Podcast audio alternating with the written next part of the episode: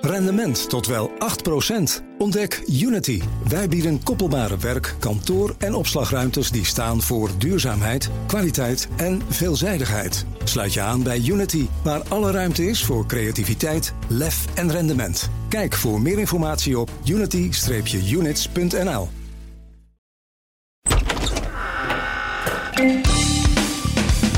Microfoons open, koptelefoon aan. Leonard, daar zijn we weer. Ja, in de week van de verlossers. Oh, dit wordt de titel van de podcast. Dat, Ja, eh, dat is de ik. week van de verlossers hoor. Eerst zondagavond. Pieter Omzicht kondigt aan dat hij een eigen partij gaat beginnen. Eigenlijk al opgericht had. Nieuw sociaal contract. Mhm. En dinsdag ging ik naar Timmermans toe. Hij was officieel lijsttrekker van de eh, Partij van de Arbeid GroenLinks combinatie. Wisten we toch al? En hij, eh, Of was het nog, ja, het was nog niet een- officieel. Nee, was nog niet officieel. Oké. En hij ging in gesprek met zijn achterban. Over alle twee die personen en over allebei hun politieke organisaties en achterbannen gaan we het hebben. Eerst nog even snel zeggen dat dit Studio Den Haag is van vrijdag 25 augustus. Het is eh, nog een beetje zomervakantie, dus we zijn met z'n tweetjes. Leendert Beekman, Mark Beekhuis. En eh, we hebben een heleboel fragmentjes van eh, Frans Timmermans. Ja. We hebben een heleboel papierwerk van Pieter Omtzigt. Ik denk dat die twee dingen allebei al iets zeggen over die partijen. ja, en we gaan het over de inhoud hebben. Gaan we het over de inhoud hebben? We gaan het over de inhoud hebben. Hé, wat modern. Dus laten we beginnen met een. Dus het gaat niet over de poppetjes. Het gaat wel over poppetjes, maar het gaat toch niet over de poppetjes. Het gaat over de poppetjes, toch ook niet. en over de inhoud. Maar we gaan beginnen met deze geweldige openingstune.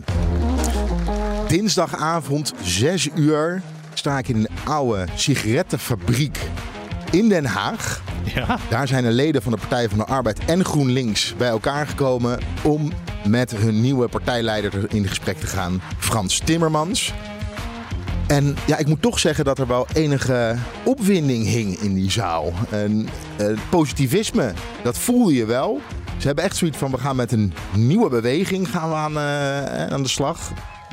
En ja, je hoorde het ook wel. Er werd veel geklapt. Er was alleen weinig kritiek.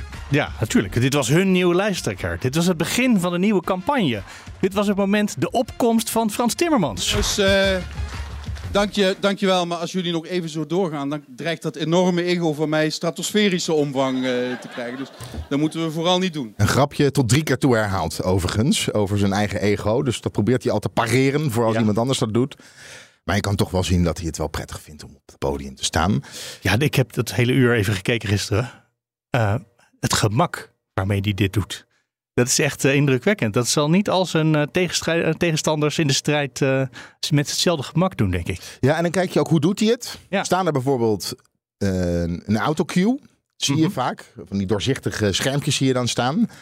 Zag ik niet staan. Had hij niet hij, nodig? deed het, hij had hij niet nodig, hij deed het uit zijn hoofd.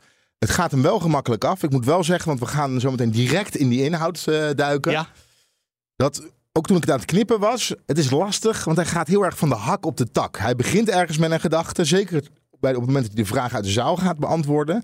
Hij begint, hij denkt, oh, ik moet een andere afslag nemen. En hij neemt nog een afslag. Ja. En komt uiteindelijk soms niet eens, geeft hij antwoord op de vraag die gesteld is. maar Eh, je hebt wel het gevoel dat je antwoord hebt gekregen op je vraag. Ja. Dat is volgens mij wel een van de dingen die jij goed doet. Overigens, datzelfde, dat is een linkje naar Pieter Omtzigt straks. Die schrijft op die manier. Dat vind ik eigenlijk nog iets erger. Want dan kan je het nog even teruglezen en Mhm. herschrijven als je wil. Maar de, daar gaan we het straks over hebben. Zullen we inderdaad eh, gewoon eens beginnen met eh, eh, waar Timmermans zelf ook begon? Die begon met een verhaaltje voor het publiek. Ja, en ik heb daar een aantal fragmenten uitgehaald. Eh, eigenlijk zijn speerpunten. Be- Te beginnen met het herstel in vertrouwen. Herstel van vertrouwen in elkaar. Eh, ook het herstel van vertrouwen in onszelf. Dat we in staat zijn om grote dingen te doen als we het maar samen doen.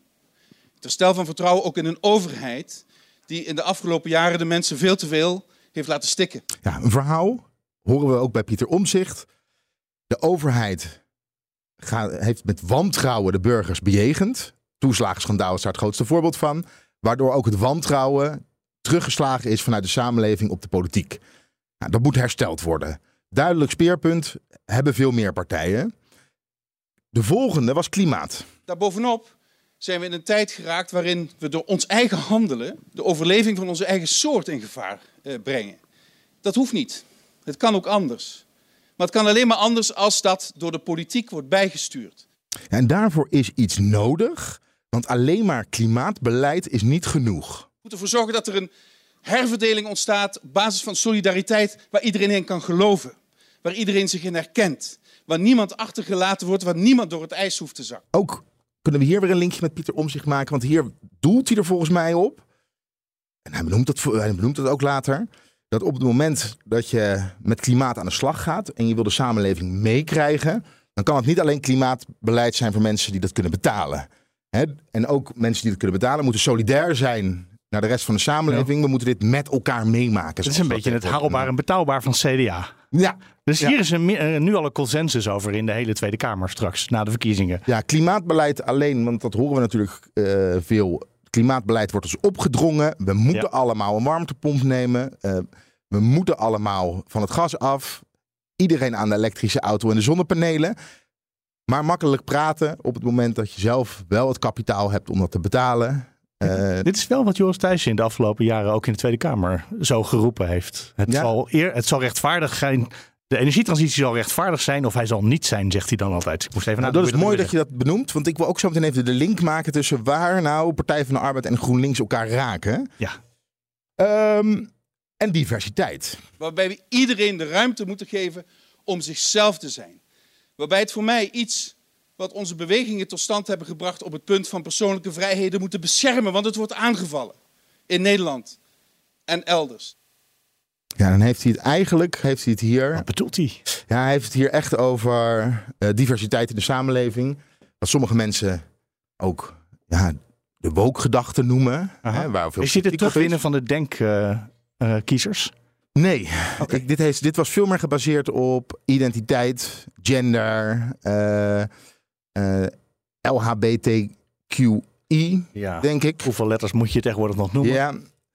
En hij wil terug ook, benoemde hij, naar een Nederland zoals de wereld ons in de jaren negentig bijvoorbeeld zag. Zo'n Nederland wil ik weer. Een Nederland waar buitenland met bewondering naar kijkt. Waar ze zien, daar worden de oplossingen voor de klimaatproblemen verzonnen. Daar hebben ze ontdekt hoe je klimaatrechtvaardigheid eh, invulling geeft. Daar laten ze zien dat ze niemand door het ijs laten zakken. Dit zegt hij nadat hij het had over dat wij bijvoorbeeld het eerste land waren waar mensen van hetzelfde geslacht met elkaar konden trouwen. Ja. En we waren En euthanasie werd land. mogelijk gemaakt. Wij waren de, de, de, het land van de nieuwe ideeën. Ja, wij dat waren al lang nieuw- niet meer. En daar waren we trots op. Zeker eind jaren tachtig. Eh, de- toen hebben we ook nog die anti-apartheidsbeweging hebben we gehad.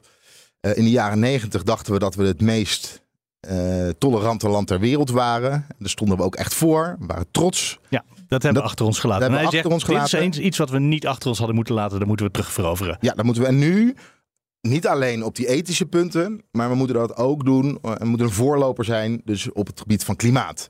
De rest van de wereld moet naar ons kijken en denken hoe ze dat in Nederland doen. Dus ook hè, in Sociale solidariteit. klimaatbeleid. Iedereen kan mee. Daar moeten wij een, eh, een voorbeeldfunctie moeten we daarin hebben. Oké.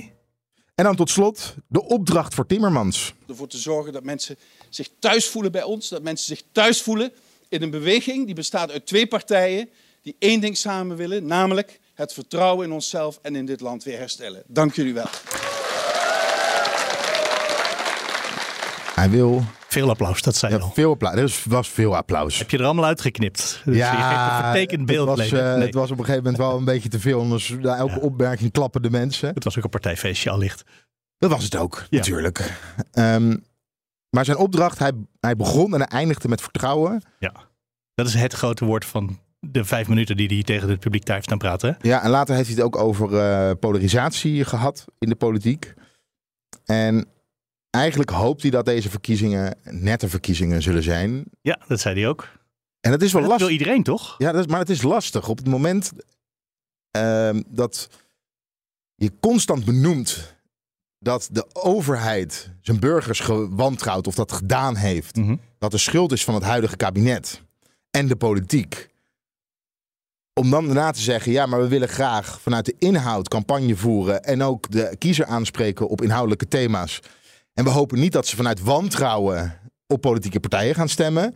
Ja, dan is het, je voedt eerst iets, waarna je hoopt dat hetgene wat je gevoed hebt, dat dat niet het zaadje gaat zijn voor het stemgedrag. Ja. Dat, nou, nee, ik, ik hoor iets anders. Ik hoor deze man beschrijven waar hij zelf vindt dat de verkiezingen over moeten gaan. En uh, dat is iets anders dan waar bijvoorbeeld de VVD denkt dat de verkiezingen over zullen gaan. Dat is iets anders dan waar uh, de SP of uh, Forum denkt dat de verkiezingen over zouden moeten gaan. Hij heeft gewoon zijn onderwerpen. En tegelijkertijd weet je dat de afgelopen jaren. Nou, hoeveel mensen zijn er niet afgetaaid nu aan het eind van deze periode? Tot en met Bergkampen deze week aan toe. Die niet meer terug komt als Kamerlid en dus niet als Kamervoorzitter.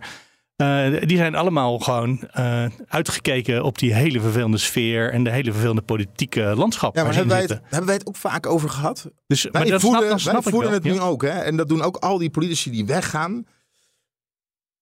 Blijven het benoemen. Terwijl we hebben ook al een paar keer hier gezegd in de Ja, podcast. ze- als je die er commissievergaderingen volgt. Ja, ja, ja. ja, ja. Ik En je ziet In hoe de commissie daar is. is. het leuk en gezellig vaak. Nou, maar dan gaan politici ook gewoon normaal met elkaar om. Ja. Eh, er, wordt, er, worden eh, Er worden huis van moties. val- valse grappen gemaakt, maar eh, dat is het. Ja, maar ook PVV stemt met moties mee van, eh, eh, van de SP.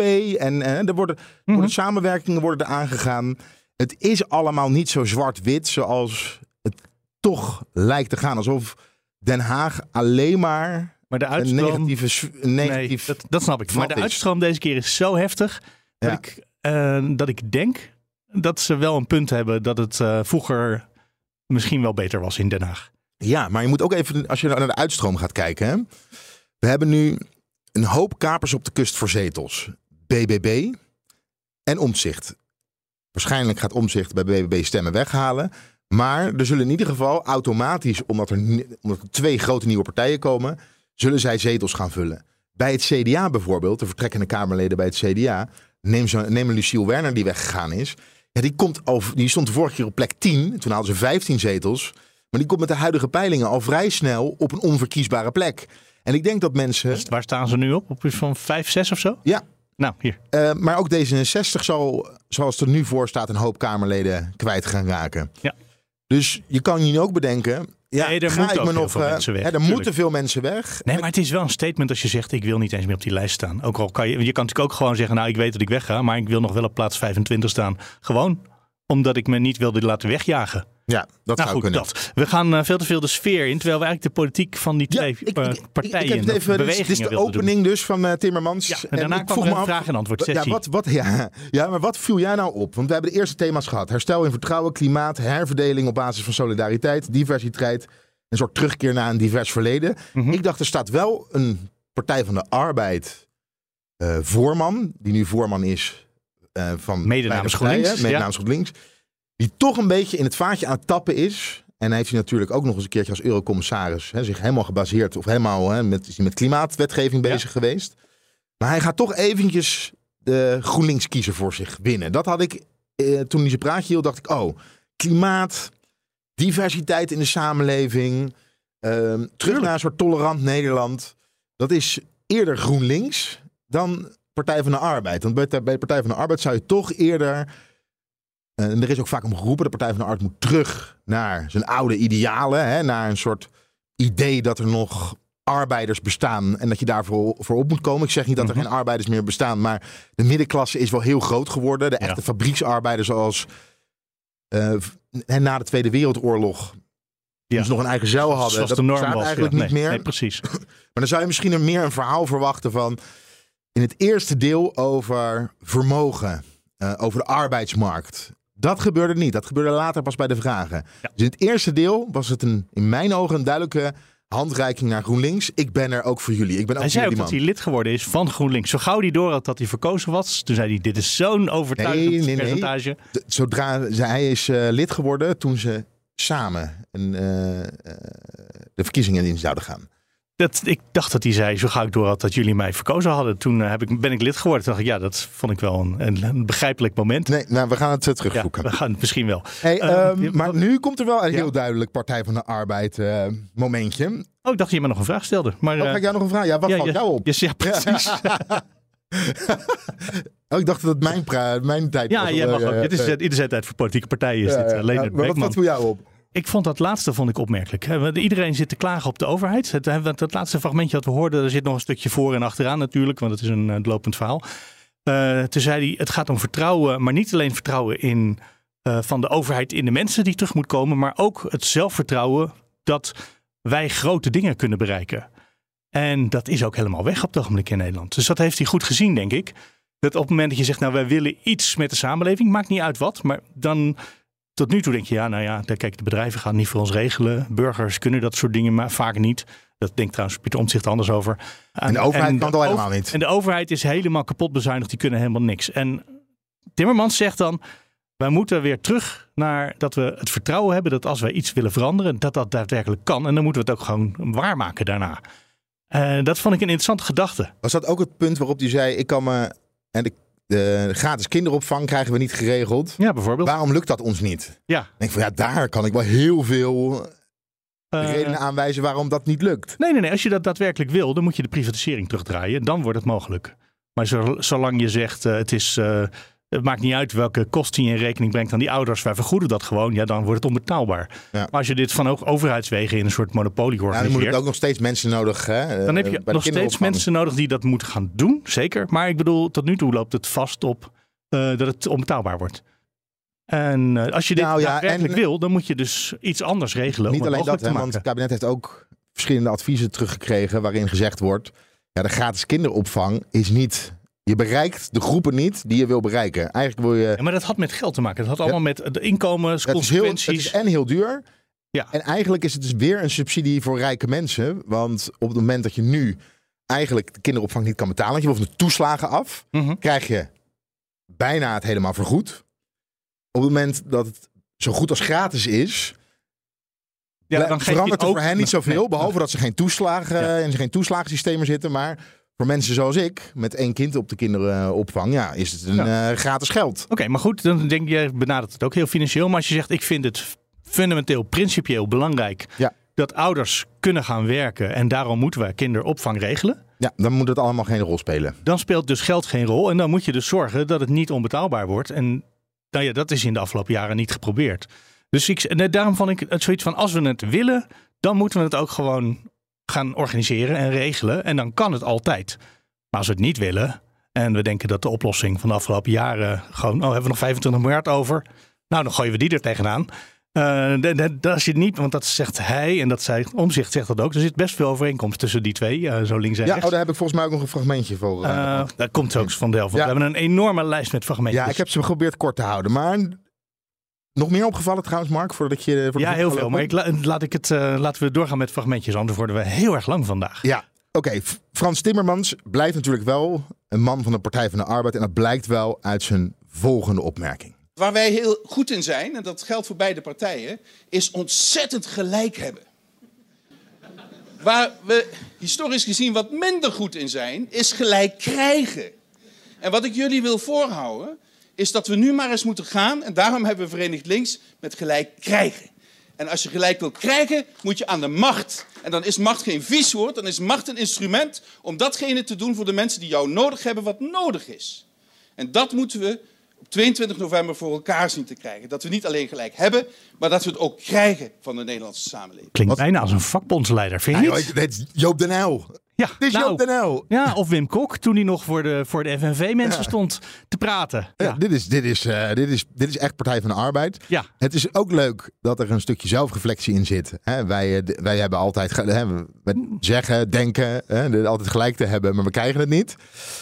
Eh, en hij is gewoon heel eerlijk. Ja, je hebt macht nodig om je idealen te Tuurlijk. verwezenlijken. En, en kennelijk vindt hij macht een vies woord. Dat vind ik interessant. Of hij Nou, denkt dat zijn achterban dat vindt. Nou, toch vind ik het ook wel lastig. Want wat is nou het doel? Je wil natuurlijk als politieke partij zoveel mogelijk zetels halen.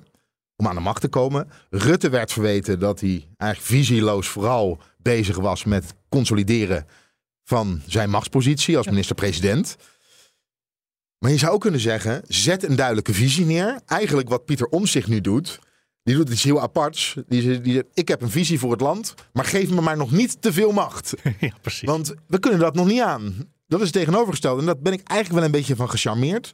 Dat je zegt van, we hebben vooral in eerste instantie een visie. Sluit daar maar mee aan. En als u mij het mandaat geeft en die macht geeft om dat uit te voeren, dan gaan we dat voor u doen. Dan draai je het toch een beetje om. Gaat het nou om macht de- of gaan gaat we het terug om... naar de PvdA GroenLinks? Ja. Hebben die een visie? Dat denk ik wel. Ja, ze Eh, hebben wel En dat is interessant, want ik heb de PvdA in de afgelopen twintig jaar eigenlijk bijna nooit op een visie betrapt. Eh, dus die zijn kennelijk toch in die tijd wel weer gaan nadenken over hoe de wereld eruit zou moeten gaan zien. En daarbij ontdekten ze dat ze heel erg op GroenLinks leken. Ja, maar dat had iedereen toch wel geconstateerd. Nou, maar in die partij nog niet. Nee, maar dat komt omdat die achterbannen zo verschillend eh, zijn. En dat kon, je ook ja. mooi, dat kon je zo mooi zien dinsdagavond in die voormalige sigarettenfabriek. Ja. Want de blijde bloedgroepen waren daar. En als er mensen rood gekleed waren, waren het altijd oudere mensen. Oké, maar daar zei Timmermans eh, op het eind van zijn verhaaltje nog iets interessants over. Die zei tot nu toe, en ik weet niet welke Duitse eh, politicus die citeerde, maar hij had een, had een eh, Duitse politicus paraat. Die zei: Als er een revolutie of een grote verandering was in de samenleving, dan was dat altijd een coalitie tussen de grootouders en de kleinkinderen. Ja. En toen dacht ik: Oh, wat mooi om het probleem van het verschil tussen PvdA en GroenLinks zo in je voordeel te draaien. Dat je dan zegt: Ja, we hebben het inderdaad, de rode grootouders en de groene kleinkinderen. En die gaan het samen, gaan die eh, kennelijk naar een beproefd concept, of in ieder geval een observatie van een politicus eerder, eh, nu de wereld veranderen, denken ze. Ja. En het zou zomaar waar kunnen zijn, waarom ook niet? Ja, ja, er wordt mij nu ook gevraagd: voorspel eens hoe de uitslag eruit gaat zien. ik eh, ga daar niet aan beginnen. Nee, eh, dat is een. eh, Nee. dat moet je. de- Nee, de dag na de verkiezingen is vroeg genoeg voor Ja. voorspelling. Ehm, jij noem- benoemde de, de crisis al waar we nu met z'n allen in zitten. En ja, de grote vraag is toch, hoe gaan we dat oplossen? Nou, dat vertrouwen is natuurlijk het allergrootste, want dat betekent ook dat je op een hele andere manier naar onze overheid eh, zal moeten kijken. Ik vind eh, een van de grootste eh feilen van de afgelopen jaren is dat in die, in, in die coalitie die nu nog eh dimissionair is, het idee was gegroeid dat als je een probleem hebt, als je er maar geld tegenaan gooit, wordt dat probleem opgelost. Dus er zijn geen structurele problemen opgelost, maar wel ontzettend veel geld uitgegeven eh, dat eigenlijk niet goed besteed is. Dus waar het mee begint is ook naar de structuur in de overheid eh, eh, kijken. De structuur in de overheid, daar moeten we naar kijken om de crisis, crisis eigenlijk, want het zijn er een heleboel, op te lossen. Ja. ja Zegt, vraagt hij hier om een nieuwe bestuurscultuur? ja, wel. Net als Ja. Pieter Omtzigt ons belooft. Net Ja. als Mark Rutte ons ooit beloofde. Maar daar, die bedoelde het niet echt. Die Nee. meende het niet. Want eigenlijk hoor je, ja, we blijven verwijzen naar omzicht, omdat hier, hier die- raken ze elkaar echt. Ja. Omzicht nemen zich namelijk precies hetzelfde. De oplossing voor de problemen is lang geld geweest. Zonder, Dat was het niet. Maar dat werd gedacht of niet gehoopt. zonder dat er daadwerkelijk eh, nagedacht werd over. Maar waar willen we nou eigenlijk naartoe? Ja. Hè, wat is nou de oplossing? Eh, het, eh, Maar dat zat natuurlijk ook in de afgelopen coalities. Dat de, de premier iemand was die zei... Visies, dat is een probleem. Dus eigenlijk zei hij... ik wil vanuit de overheid geen keuzes maken voor de samenleving. En dan zijn alle problemen die je gaat oplossen... die ga je dus niet iets kiezen voor of tegen iets. Dan ga je gewoon zeggen... als we er nou subsidie tegenaan gooien... misschien lost de samenleving het voor ons op. Ja. En dat heeft eh, deels gewerkt misschien. Maar niet volledig zoals... eh, of niet zo goed in ieder geval als iedereen dacht. nee, en we gaan het zo meteen weer zien. En ik vraag me echt af of het nog ter discussie komt te staan tijdens de campagne. Vanuit rechts gaat dat zeker gebeuren. Maar als je naar het klimaat- en stikstofbeleid kijkt, eigenlijk is dat ook, zeker het klimaatbeleid, smijten met geld ehm, om een probleem op te lossen. De nuancering daarbij is dat eh, het klimaatbeleid eh, voor heel veel mensen heel duur uit zal pakken. En dat geld waarschijnlijk een deel van de oplossing is. Dat klopt ook, daar heb je absoluut gelijk in. Want ik ben niet tegen eh, het klimaatbeleid. Alleen, Maar je moet niet gewoon ongericht geld alle kanten uitgooien. Dat is denk ik wat je probeert te zeggen. ja, En daar lijkt het soms een beetje op. Ja, en o- het gaat over keuzes maken. Hè? Want dat benoemt Timmermans, dat benoemt Omzicht. Dat heeft ook de Raad van State gezegd. Durf, maak een heldere visie, durf keuzes te maken. En Ja. keuzes kunnen pijn doen. Ook normeren en beprijzen hoort daarbij. Maar wat het klimaatbeleid, in ieder geval hoe dat op mij... En zo, voor zover ik het... eh, jij bent er iets beter eh, in onderlegd dan, eh, dan ik. Hebben ze niet geprobeerd om de pijnlijke keuzes te maken. Nee, dat klopt. wel... Het, het beprijzen is eh, volgens economen veel effectiever dan het eh, subsidiëren. Die keuze is dus niet gemaakt. Maar het beprijzen, dat, dus- is iets wat dus bedrijven vervelend vinden. En dat was niet bespreekbaar in de afgelopen jaren. Nee, precies. En via bedrijven komt het overigens bij burgers, dus die zijn er ook niet allemaal voor. Maar, Maar volgens mij hebben zij en bedoelen ze ook wel precies wat jij nu beschrijft. Ja. Maak een keuze. zeg waar je heen wil. Maar dat is natuurlijk iets wat in de afgelopen jaren niet kon. En misschien, hangt er een beetje vanaf hoe de verkiezingen verlopen, maar daar valt niks over te zeggen. Misschien dat dat straks wel weer wel mogelijk wordt, of zelfs wel verplicht. Omdat er een paar partijen zijn die daar echt speerpunten van uh, gemaakt hebben. Ja, en het kabinet staat nu, het demissionaire kabinet overigens wel, voor een keuze die ze denk ik ook nog voor zich uit kunnen schuiven. Want er moet iets met armoede moeten gebeuren. Hè? Ja. Om te zorgen dat... Uh, er was een onderzoek van het Centraal Planbureau. Wat zei dat? Hoeveel mensen ook weer ja, bijna in de armoede... Miljoen, uh, bijna een miljoen mensen in de armoede. Ja. Dat is op 18 miljoen best veel. Ja, en vooral hè, de armoede bij kinderen neemt toe. Nou, het was natuurlijk het, de ambitie van het kabinet, ook met de minister uh, voor armoede, om de armoede te halveren. Mm -hmm. Nou, dat, dat is absoluut niet gelukt, ook door de energiecrisis. Maar nu moet er een keuze gemaakt worden, want er zou iets moeten gebeuren met gerichte maatregelen om ervoor te zorgen dat sommige mensen niet door het ijs zakken. En de vraag is dan ook, hoe gaat het betaald worden? Want de overheidsfinanciën staan er ook niet al te florissant voor. Maar volgend jaar uh, halen we die 3%-norm van het BBP, halen we nog net niet. De afspraken hebben we in Europa gemaakt. Dus ze zouden nu nog kunnen zeggen, we gaan niet te veel bezuinigen. We gaan uh, dan of bezuinigen of de lasten verzwaren. Dat zie ik sowieso niet gebeuren. Maar we gaan niet te veel Voor bezuinigen. de verkiezingen belasting omhoog? Nee, dat is nee. ongebruikelijk. Nee, dus we gaan het toch in de staatsschuld laten lopen. We gaan het allemaal nog zien. We hebben het hier over gehad met Sophie Hermans een paar weken terug in deze podcast. Hè? Ja. En die zei, we gaan het niet oplossen. We vinden gewoon dat die mensen harder moeten gaan werken. Ja, dat was toen... Geen, uh... Dat was geen oplossing. Het was geen reëel antwoord. Maar dat was wel wat ze zei. Ja. Nou, daar wordt nu wel anders over gedacht. Oké, okay, luister nog even terug naar die aflevering als je wil. Ja, maar de armoedeaanpak. Ja. Timmermans. Ongelooflijk hekel aan nulurencontracten. Ik hoop dat we werkgevers nu veel meer kunnen aanspreken op jongens, jullie hebben die werknemers nu nodig. Ga nou eens een keer een echte langdurige alliantie met je werknemers aan en geef ze de zekerheid over langere termijn. Volgens mij, als je dat doet en dan ook nog op basis van een hoger loon, dan neem je een heleboel oorzaken van armoede in één uh, klap weg. Ja, en hier, uh, het is niet zo spannend. Ik bedoel, Nee. Van Gennep is namelijk al gewoon bezig met de hervorming van de arbeidsmarkt. Daar gaat dit gebeuren. Nou, Dan- maar dit is, dit is een oproep aan werkgevers. En er zijn heel veel oproepen gedaan aan werkgevers. En die geven meestal nooit antwoord. Nou, maar er is gewoon nu een afspraak met de polder. Eh, ja, en, eh, maar er zijn heel veel afspraken gemaakt met de polder. Maar werkgevers zijn niet zulke betrouwbare partijen Pas hierin. op wat je zegt. Er staat gewoon een handtekening onder, Mark. Ze gaan het, ze gaan het doen. Ze hebben een handtekening eronder gezet. Ja, dat, nee, ze hebben een het nog zien. Ik moet het nog gezien. Ja, ik, hoeveel eh, gehandicapten werken er op het ogenblik eh, in allerlei bedrijven? Daar zijn ook afspraken over quota afgesproken. 10 jaar terug, 15 jaar terug. Daar is helemaal niks van terechtgekomen. Dat soort afspraken worden regelmatig gemaakt en genegeerd. Ja, je hebt Dus- dan over de participatiewet. Denk ik. Eh, ach, dit is van lang geleden. Ik Ja. verzin het nu ter plekke even er weer bij. Maar ik, bedoel, ik heb niet per se het gevoel dat eh, werkgevers betrouwbaarder zijn dan de overheid. Om het maar even zo te zeggen. ja. Eh, hè, want bij de Nou, ik trok het even naar BNR toe. Ik dacht, we moeten het over de arbeidsmarkt hebben en eh, vermogen. Ah, bo- box 3.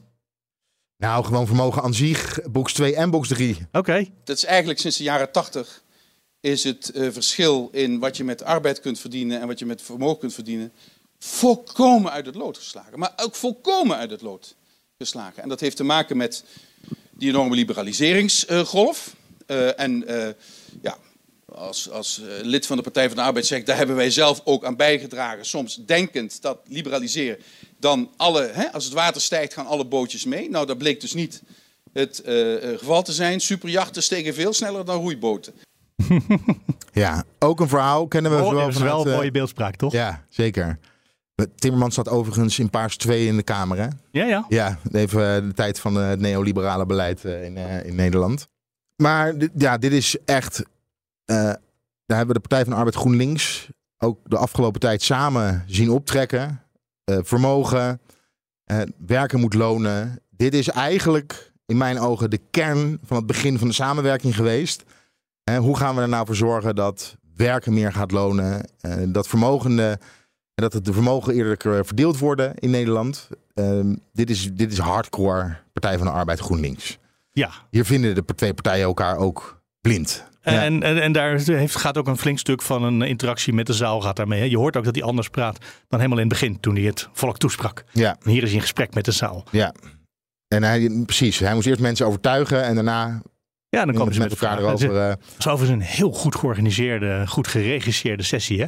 Met het verhaaltje, dat, eh, ging, dat is natuurlijk logisch, want daar heb je heel veel regie op. En daarna heb je over alle onderwerpen hebben ze dan eh, een vraag van op het podium. En dan heeft er iemand in de zaal een vraag.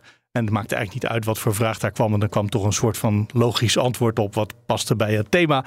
Uh, het, was, natuurlijk ook niet zo moeilijk. Het waren, geen, het waren allemaal mensen van hun eigen partij. Maar tegelijkertijd, het was wel heel soepel en makkelijk gemaakt. Ze starten met, we gaan met gesprek met de achterban. Maar de groot, het grootste deel van de vragen zijn van tevoren ingediend. Hebben wij geselecteerd. Die gaan wij voorlezen. En af en toe mag er een vraagje uit de zaal mag er komen. Ja, nou, er waren er maar er hadden, er waren, er is geen kritische vraag gesteld. Nee. En je had best wat kritische vragen kunnen stellen natuurlijk. Uh, ja, niet op een verkiezingscampagne bijeenkomst. Nee. Nee, dit, is, dit was reclame. De aftrap van de reclamecampagne was dit. Um, trouwens, buitenlandbeleid in Oekraïne. Ja. Prees Timmermans, het huidige kabinet. Dat heeft Nederland gewoon goed gedaan. Um, wat ook opvallend was, de NAVO-norm. We hebben decennia van het vredesdividend uh, geleefd. En daar maakt uh, Poetin nu misbruik van. Dus we hebben geen keuze. We hebben geen keuze voor onze geloofwaardigheid en voor onze defensie, voor onze eigen defensie. Zullen we wat we hebben afgesproken met de NAVO ook gestand moeten doen. En ik, wil, ik vind dat Verenigd Links die belofte ook moet waarmaken. Ja, geluid hebben we natuurlijk vanuit de Kamer gehoord. De afgelopen tijd sinds de inval van Rusland in Oekraïne. Maar een paar jaar geleden op een partijcongres van GroenLinks. Mm Partij van de Arbeid had je niet een warm pleidooi gehoord om meer geld richting Defensie te, te sturen. Nee, en hij gaf ook nog een eh, hele subtiele trap richting uh, eh, VVD en CDA. Die zei, ja, als je aan een coalitieonderhandelingen met die, met die rechtse partijen, die zou voor die NAVO-norm zijn, eh, als je dan die gesprekken hebt, het eerste wat zij laten vallen is, nou, die 2%, dat kan ook wel een paar jaar later ja. dat we het bereiken. Dus reken er maar niet op dat rechts dit wel regelt. Eigenlijk, hij zei bijna, van, voor de NAVO-norm 2%, moet je ook links stemmen wat ik zeg, het is best heel knap om van een zwak punt een kracht te maken. Ja. Dat, uh... Maar zijn we nu, uh, jij hebt ook gezien, we hebben nu een, de partijprogramma's zijn er nog niet, die worden nu, die worden nu doorgetekend. Mhm. Zijn we nou verrast door nieuwe ideeën over hoe we de samenleving vorm moeten geven, hoe we uit een bepaalde crisis gaan komen? Uh, ik ben verrast dat de PvdA een visie blijkt te hebben. Daar mhm. had ik echt een beetje. Ik, die, ik wist niet meer precies waar die partij voor stond. Ja en dat komt dan ehm, toch meer vanuit GroenLinks. Dus blijkt, nou ja, goed. Maar als dan die twee, ja, van, van GroenLinks weet ik wel waar ze ongeveer heen willen. Mhm. Als die twee partijen samen gaan, dan is dat een katalysator om PvdA ook weer scherper te laten kiezen voor wat ze willen, kennelijk. Dus de, uh, dat heeft me wel een beetje verrast. Inhoudelijk gaat het natuurlijk over de onderwerpen die je verwacht. Dat uh, de, de, de, lagere klassen het goed moeten mee kunnen maken. Uh, dat de grote bedrijven belasting moeten gaan betalen dat uh, het klimaat heel belangrijk en essentieel is dat we daar wel goed beleid op gaan voeren. En laat je niet gek maken door partijen die zeggen dat dat niet zo is, weet je, dat soort.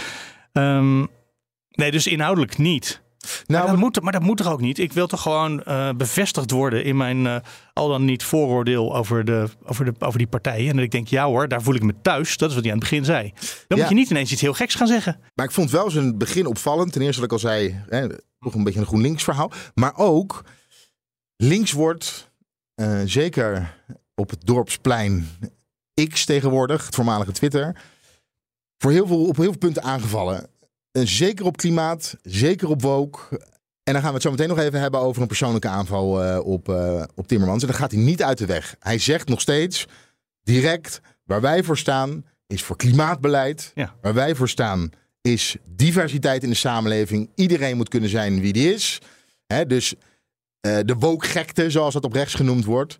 Hij neemt zijn standpunt in en hij is niet bang om uh, kiezers daarbij kwijt te raken, denk ik. En hij probeert niet een soort. Maar zijn, doelgroep, zijn doelgroep heeft geen problemen met het woord woke. Jawel, want uh, binnen de Partij van de Arbeid zelf. En ik denk dat dat nog wel eens ontkend wordt bij links, hè, in, in, linkse kringen. Maar hebben mensen er toch wel iets meer ja? moeite mee. Oké. Nou, dat zou kunnen. Dat, uh... ja, maar dan hebben we het echt goed, over... wat op Twitter gebeurt, want dat wordt uh, elke week ietsje extreem rechtser. Uh, ja. Dus ja, dat ze daar problemen hebben met een linkse partijcombinatie. Nou ja, dat geloof ik wel. Ja, en wij hebben het nu over de inhoud. Maar eigenlijk na de bijeenkomst ging het op Twitter alleen maar over Timmermans zelf. Omdat Thomas van Groningen, onze oud collega hier bij BNR, hem gevraagd had of hij miljonair was. Oh. Timmermans ontkende dat. Ja. En dat is vervolgens viral gegaan. Uh, iedereen heeft daar een mening over gehad. Uh, vervolgens het gaat natuurlijk ook steeds over zijn wachtgeld. En in mijn ogen, in ieder geval op de sociale media, en ik weet dat dat niet heel Nederland is, eh, is het verhaal toch een, het inhoudelijke verhaal toch een beetje eh, op de achtergrond geraakt. Ja, in die rechtse kringen op uh, voorheen Twitter. Ik wil trouwens, ik wil trouwens Ja. nog een voorbeeld geven. Een vriend van mij is ook vrij rechts. Ja, En- dat mag. Eh, eh, Die, dat, die hebben ook Ja, bestaansrecht. en eh, hij is geen fan van de Partij van de Arbeid en, en, en Timmermans. Dus hij appte mij. Heb je hem gevraagd hoe het zit met het wachtgeld? Ik zo, nee, maar misschien dat er collega's van andere media waren die daar wel iets naar, ge- wel naar gevraagd hebben. Ehm, en dat vond hij niet zo kritisch van mij. Maar ik mocht drie vragen na afloop aan Timmermans stellen. En dat is ja, niet de eerste drie die je wil Nee, stellen. want ik dacht, we zijn met BNR. Ik wil weten wat zijn belangrijkste speerpunt is. Ik wil weten hoe die omgaat met de arbeidsmarkt. En ik wil weten hoe die omgaat met vermogen. Hm. Weet je, de rest haal ik wel uit zijn verhaaltje. Dat heb ik ook netjes Ja. uitgeknipt. Maar dit ga ik hem persoonlijk vragen. En daarbij, en eh, dat heeft volgens mij niks met links of rechts te maken. Maar op het moment dat je links bent en je heel veel verdient. En je bent bereid om daar een groot gedeelte van naar de Belastingdienst te brengen. Sterker nog, je pleit ervoor om zoveel mogelijk van jouw vermogen richting Ja, precies. de overheid te brengen. Stel je voor dat hij miljonair was. Eh, al heeft hij eh, tientallen miljoenen op de bank staan. Als hij dan zegt van nou, ik stop het allemaal in box 3 en ik ga daar zoveel mogelijk belasting over betalen. En vervolgens, als ik kom te overlijden, wil ik niet dat dat geld naar mijn kinderen gaat. Want dat moet ook belast worden. Ja, Dat vind ik dat je dat als linkspoliticus toch prima moet kunnen zeggen. Ja dan, ben je toch dat geen hypocriet iemand. Dan ben je eigenlijk een... ehm. Een dief van je eigen portemonnee zou je op rechts dan zeggen. ja, Ja. maar hij wordt eigenlijk aangevallen omdat hij... Ja, maar hij wordt aangevallen omdat hij aangevallen wordt. Ja. Net zo goed Nou, als goed. mevrouw Kaag werd aangevallen omdat ze aange- een mevrouw was. Dat is sowieso een probleem. En bovendien vond ze niet rechtse dingen. Ja. Ja, dat is... eh, dat, dat moeten de mensen op eh, Twitter eh, zelf helemaal zelf weten. Eh, Jij neemt het serieuzer dan ik, merk ik. Nou, ja, goed. Ja. Ehm, Sorry joh, als jullie, als jullie onze achterban zijn, sorry. Maar eh, zo is het dan. we moeten toch even... We kunnen gewoon objectief vaststellen dat het een, eh, een man op leeftijd is. Ja, maar daar kan hij wel weer behendig mee omgaan. Ja, want dan maakt hij een grapje over. Ik heb eerder gezegd, Nederland moet zijn swag weer terugkrijgen. Ik zei dat omdat ik het probeerde bij jongeren.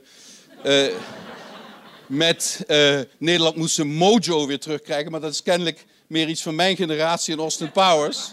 Terwijl voor jongeren swag meer eh, betekent. Maar daar gaat het uiteindelijk om.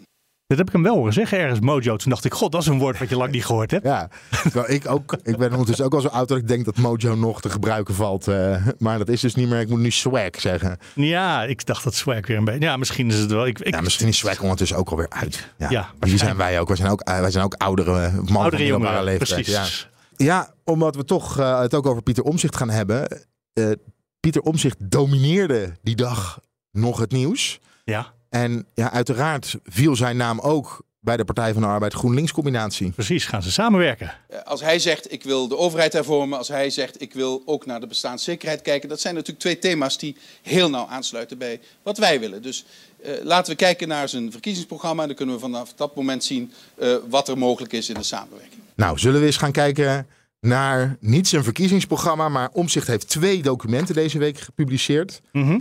Politieke lijngroep Omzicht als startpunt voor de politieke partij. Nieuw sociaal en een T erin. Omtzigt, Ik hoor, iedereen hoor ik omzicht zeggen. Nee, Omtzigt, ja. Ik denk wel dat de man... Hij zou de samenleving in dienst bewijzen als die T uit zijn achternaam Ja. verwijdert. Gewoon, dan kunnen we het allemaal eens. En het tweede stuk, grondgedachten en uitgangspunten van de politieke partij. Daar gaan wij mee beginnen. Ja, nieuw sociaal Nieuw contract. sociaal contract.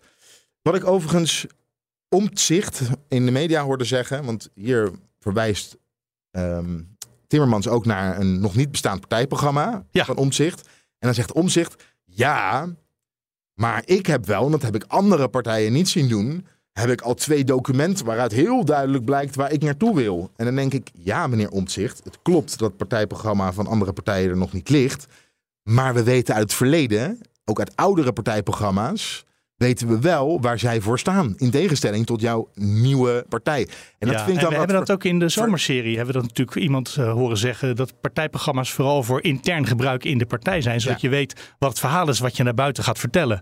Maar ik vond zo'n typisch, typisch omzicht-opmerking. Zo van, Ja, u, gaat, Ja. u gaat mij iets verwijten en dan iemand anders iets gaan verwijten op een hele verongelijkte manier. Ik, het is niet zo gek. Maar goed, het klopt wel. Nou, dit, De heer Omzicht heeft gelijk. Er zijn twee eh, toch wel hele inhoudelijke stukken gepubliceerd. ja, Waarin je wel een lijn kan destilleren in ieder geval over de visie Ja. van... Ik, ik worstel heel erg met in elk geval de grondgedachte. Het andere stuk dat is, was eh, 50 pagina's of iets. Daar ben ik net niet helemaal aan toegekomen. Daar ben ik erheen gescand. Maar de grondgedachten en uitgangspunten, want dat is het partijprogramma tenslotte. eh, dat heb ik helemaal, helemaal doorgeworsteld met een eh, vergrootglas erbij. Ik moet zeggen, aan de, ik, ik worstel met wat ik ervan vind. Aan de ene kant is het echt heel fijn dat er is een partij gewoon eh, een visie schetst.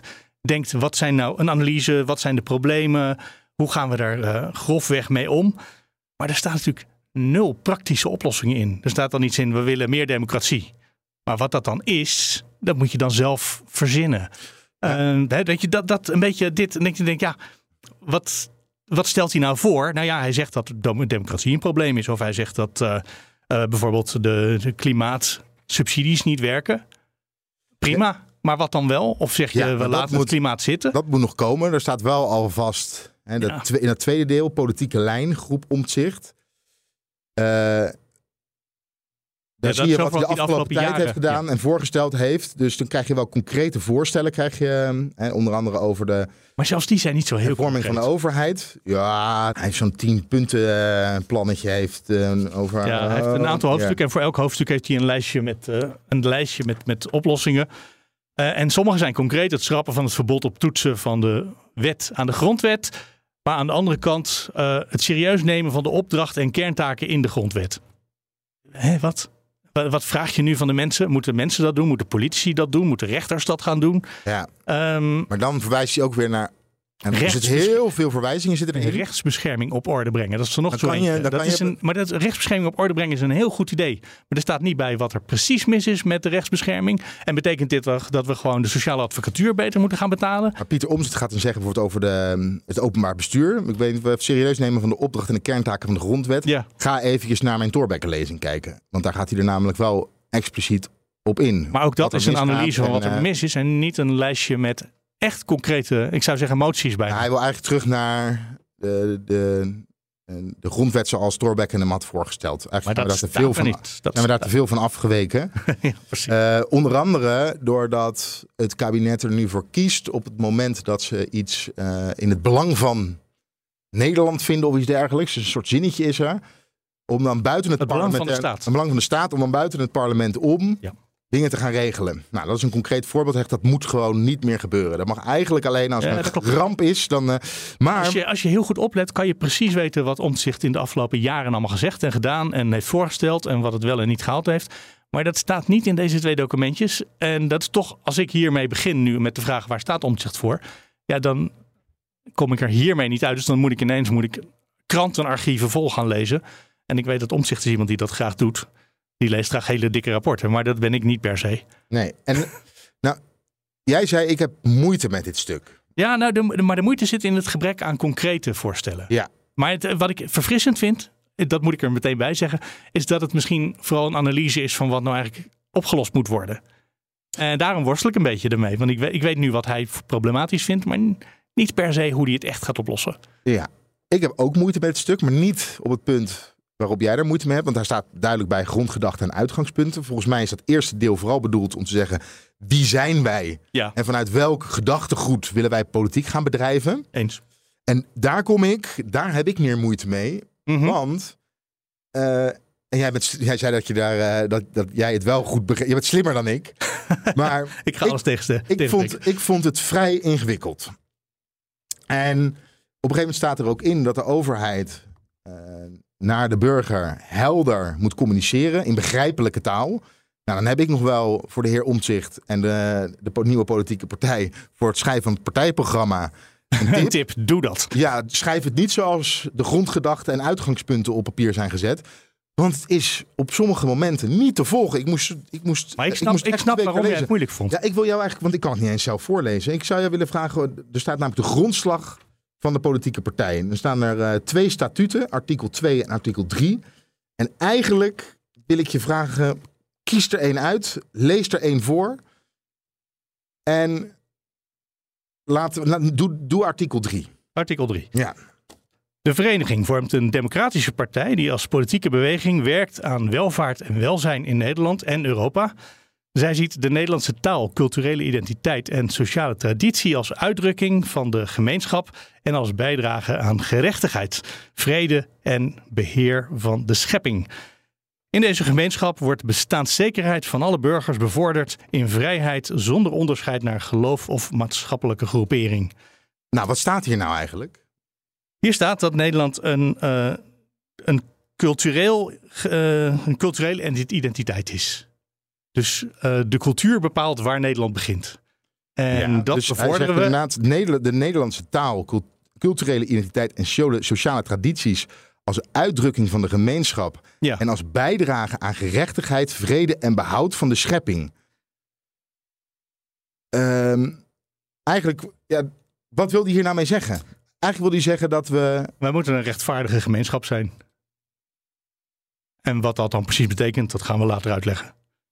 Maar volgens mij zegt hij ook dat het uitgangspunt, dus ook hij benoemt de Nederlandse taal, de culturele identiteit. Ja. Volgens mij pleit hij hier ook voor een vrij conservatief beeld van Nederland. Oh, zeker. Dit is, uh, dit, je zei net al iets wat hij naar 1850 terug wilde met de grondwet. Ja, 1848, ja. uh, eigenlijk een groot stuk van het verhaal wat hij geschreven heeft ook een soort nostalgie naar de 19e eeuw uh, in zich. En dit doe ik even, want ik heb lang geleden een paar jaar geschiedenis gestudeerd. Maar wat hij beschrijft is een overheid die vooral burgers het mogelijk maakt om samen dingen te organiseren. Ja. Dus dan denk ik meteen aan de voorgangers van onze sociale vangnetten die we tegenwoordig hebben. Vroeger organiseerde de kerk de burgers in het dorp, zodat als er iemand werkloos was, dat dan die werkloze uh, bijstand kon krijgen. Dat heette toen nog geen bijstand, maar dat kreeg je dan. Ja. Het was niet een staatstaak. De staat ging over, uh, nou dat heette de nachtwakerstaat. Uh, die ging over het leger en over de politie. Ja. En, dat, en de financiën misschien, maar dan was je er wel zo'n beetje.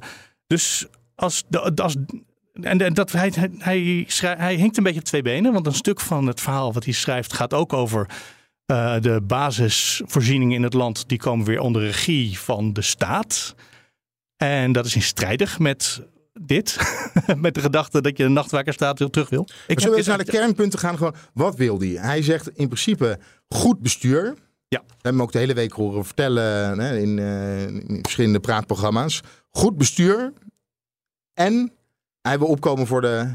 En mensen mogen niet door de onderkant bestaanszekerheid. Hè? Ja, ja, er zijn drie, drie speerpunten: bestaanszekerheid, goed bestuur en internationale samenwerking die verstandig moet zijn. Ja. En dat uh, lijkt me dat niemand daar tegen kan zijn, verstandig internationale samenwerking, maar wat het betekent.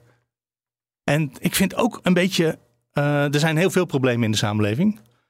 Uh, ik denk dat bijvoorbeeld de gezondheidszorg de komende decennia elk jaar ietsje moeilijker te organiseren valt. Met vergrijzing, uh, met dus minder arbeid en meer uh, vraag. met het klimaatbeleid. er zijn allerlei problemen. We hebben nu de verandering over hoe we met de natuur om willen gaan, wel of niet. Is stikstof een probleem of is het een gegeven, zou ik maar zeggen. Maar hij kiest gewoon drie redelijk arbitraire dingen eruit. En zegt, nou, dit zijn mijn punten. Dat vind ik prima, mag hij doen.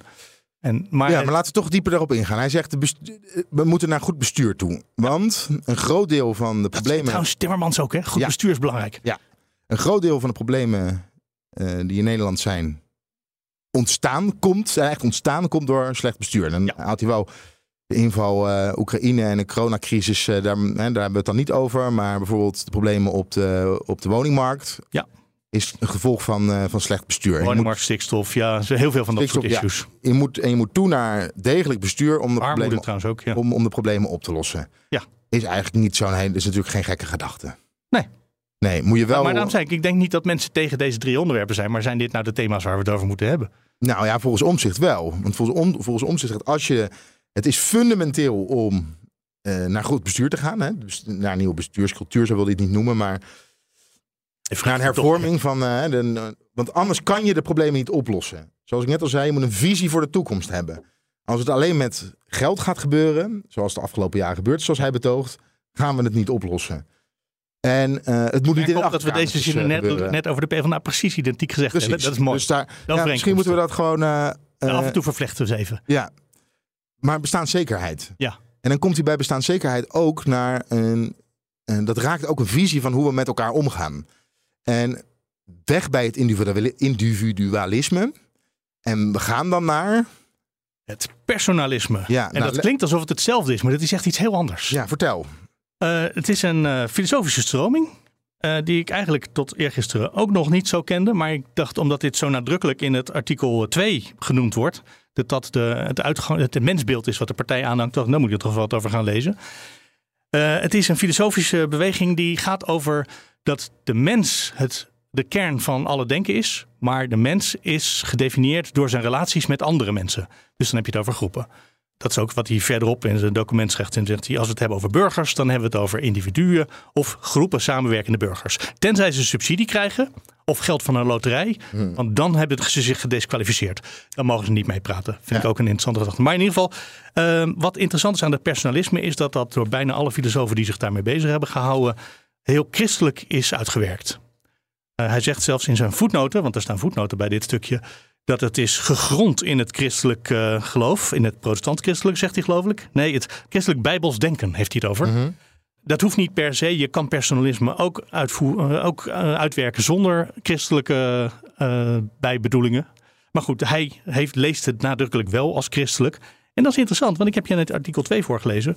En daarin staat dat hij zich helemaal niet op christenen richt, maar op alle maatschappelijke groeperingen en geloven. Ja. Geloofsovertuigingen. Maar wat, dan Maar ook, wat ook opvalt in artikel stuk 2... ademt is de dat het- protestants-christelijkheid uit. Ja, maar als je de zin doet, de schepping. houdt van de schepping... Ja. dan weten we dat, eh, dat er natuurlijk iets... eh, Ja, maar en daarom zei ik, er zitten heel veel ambivalenties in. Dat je denkt, je zegt het ene en je zegt het andere. En dat kan, nou, het schuurt op zijn minst. ja. Ehm, er zit ook in dat we gaan.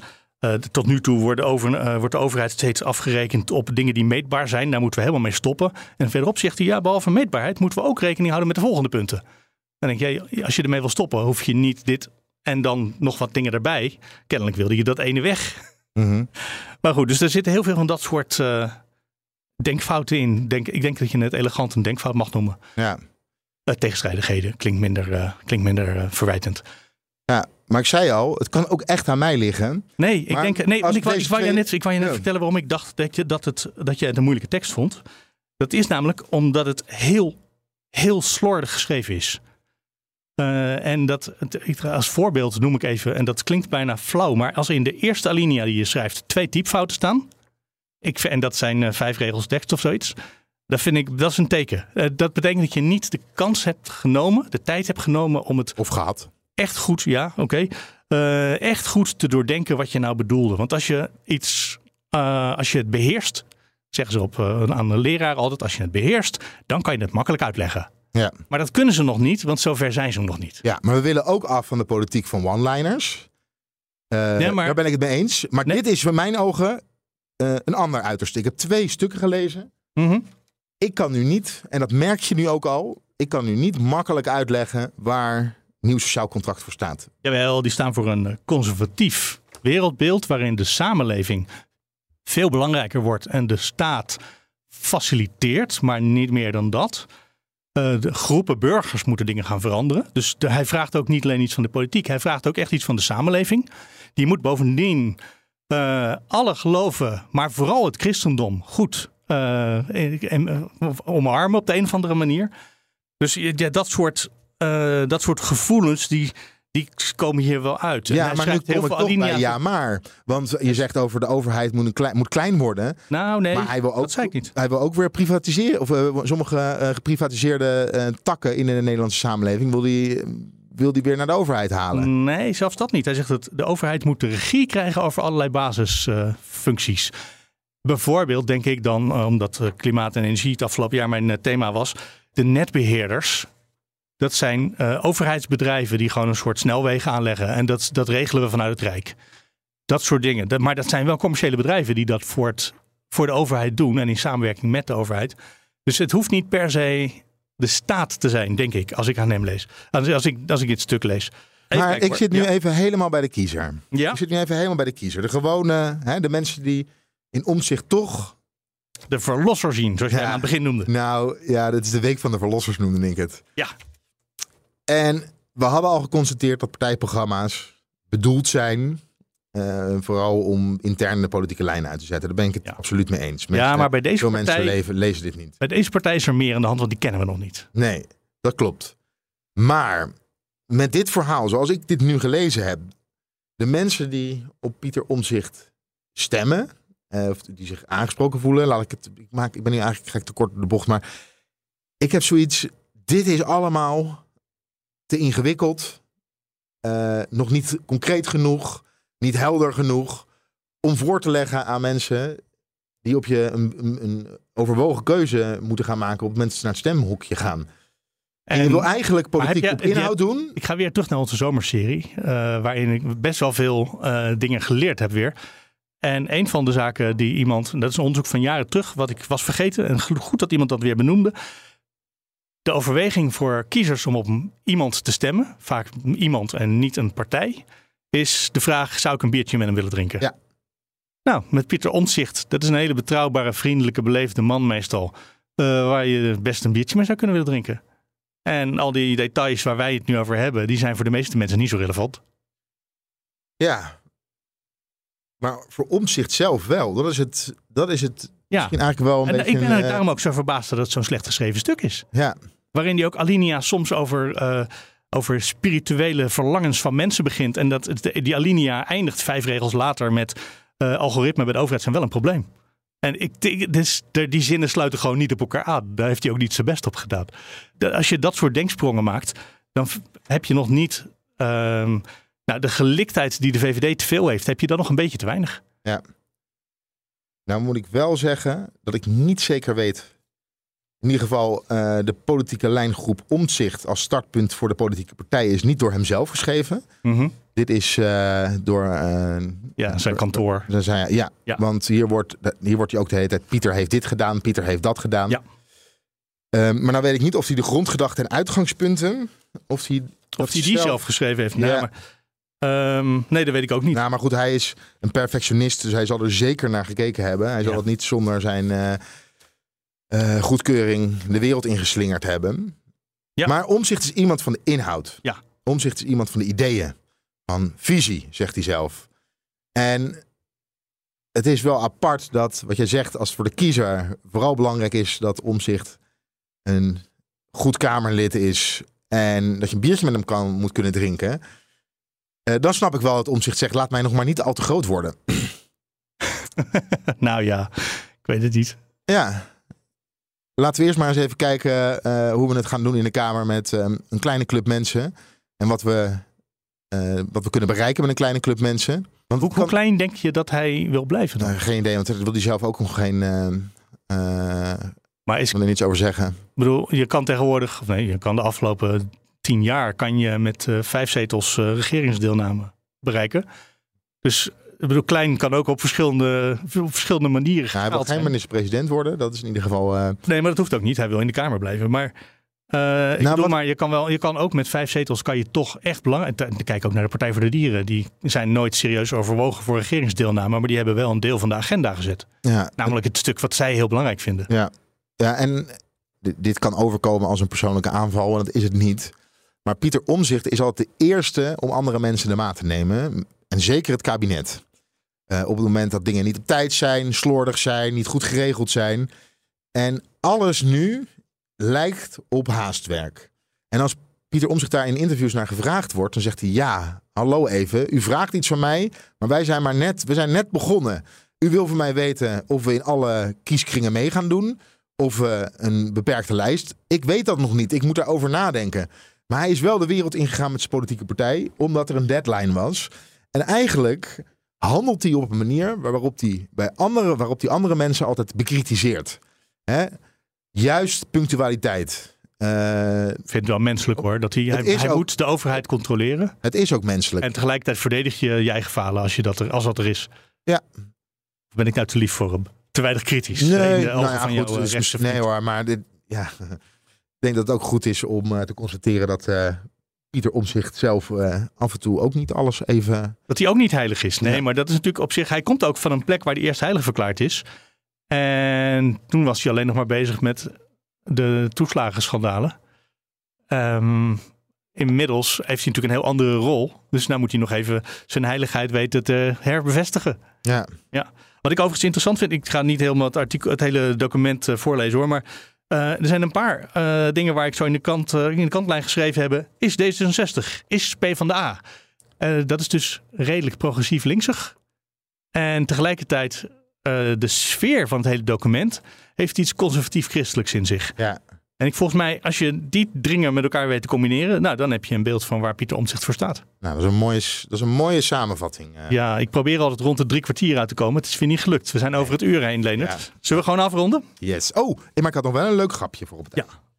Uh, dan gaan we even terug naar Timmermans. Oh, leuk. Een grapje. Iets opvallends van Leonard op Iets leuks van Leonard op het ja, einde, ja. Um, het is eigenlijk gemeen. Er, er, mochten vragen vanuit de zaal gesteld worden. Het was net over sport gegaan. Dat Timmermans zo leuk vindt om naar sport te kijken. En toen kreeg hij de volgende vraag. Mijn naam is David Oude Westelink. Uh, net uh, werd er een vraag gesteld over sport. En toen heb je die vooral beantwoord over sport kijken. Ik ben ook benieuwd. Uh, hou je van sport oefenen? Ja, ik vind het een beetje gemeenig om dit aan een 62-jarige man met overgewicht te vragen.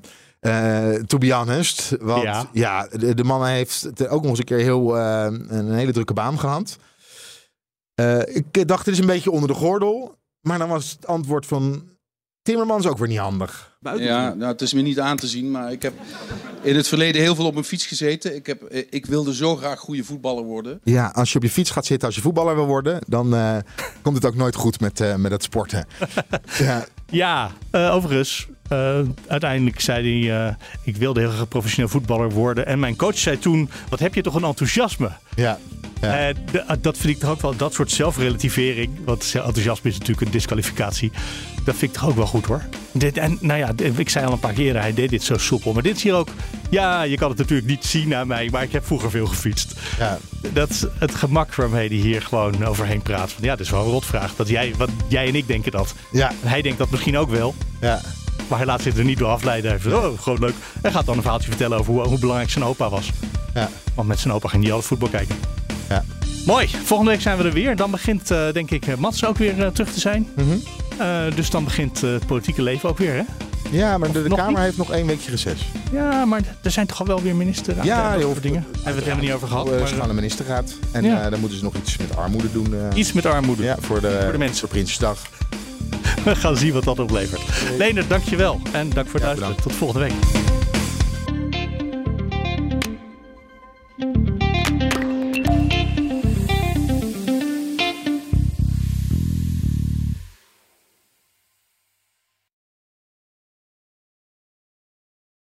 Rendement tot wel 8%. Ontdek Unity. Wij bieden koppelbare werk, kantoor en opslagruimtes die staan voor duurzaamheid, kwaliteit en veelzijdigheid. Sluit je aan bij Unity, waar alle ruimte is voor creativiteit, lef en rendement. Kijk voor meer informatie op unity-units.nl.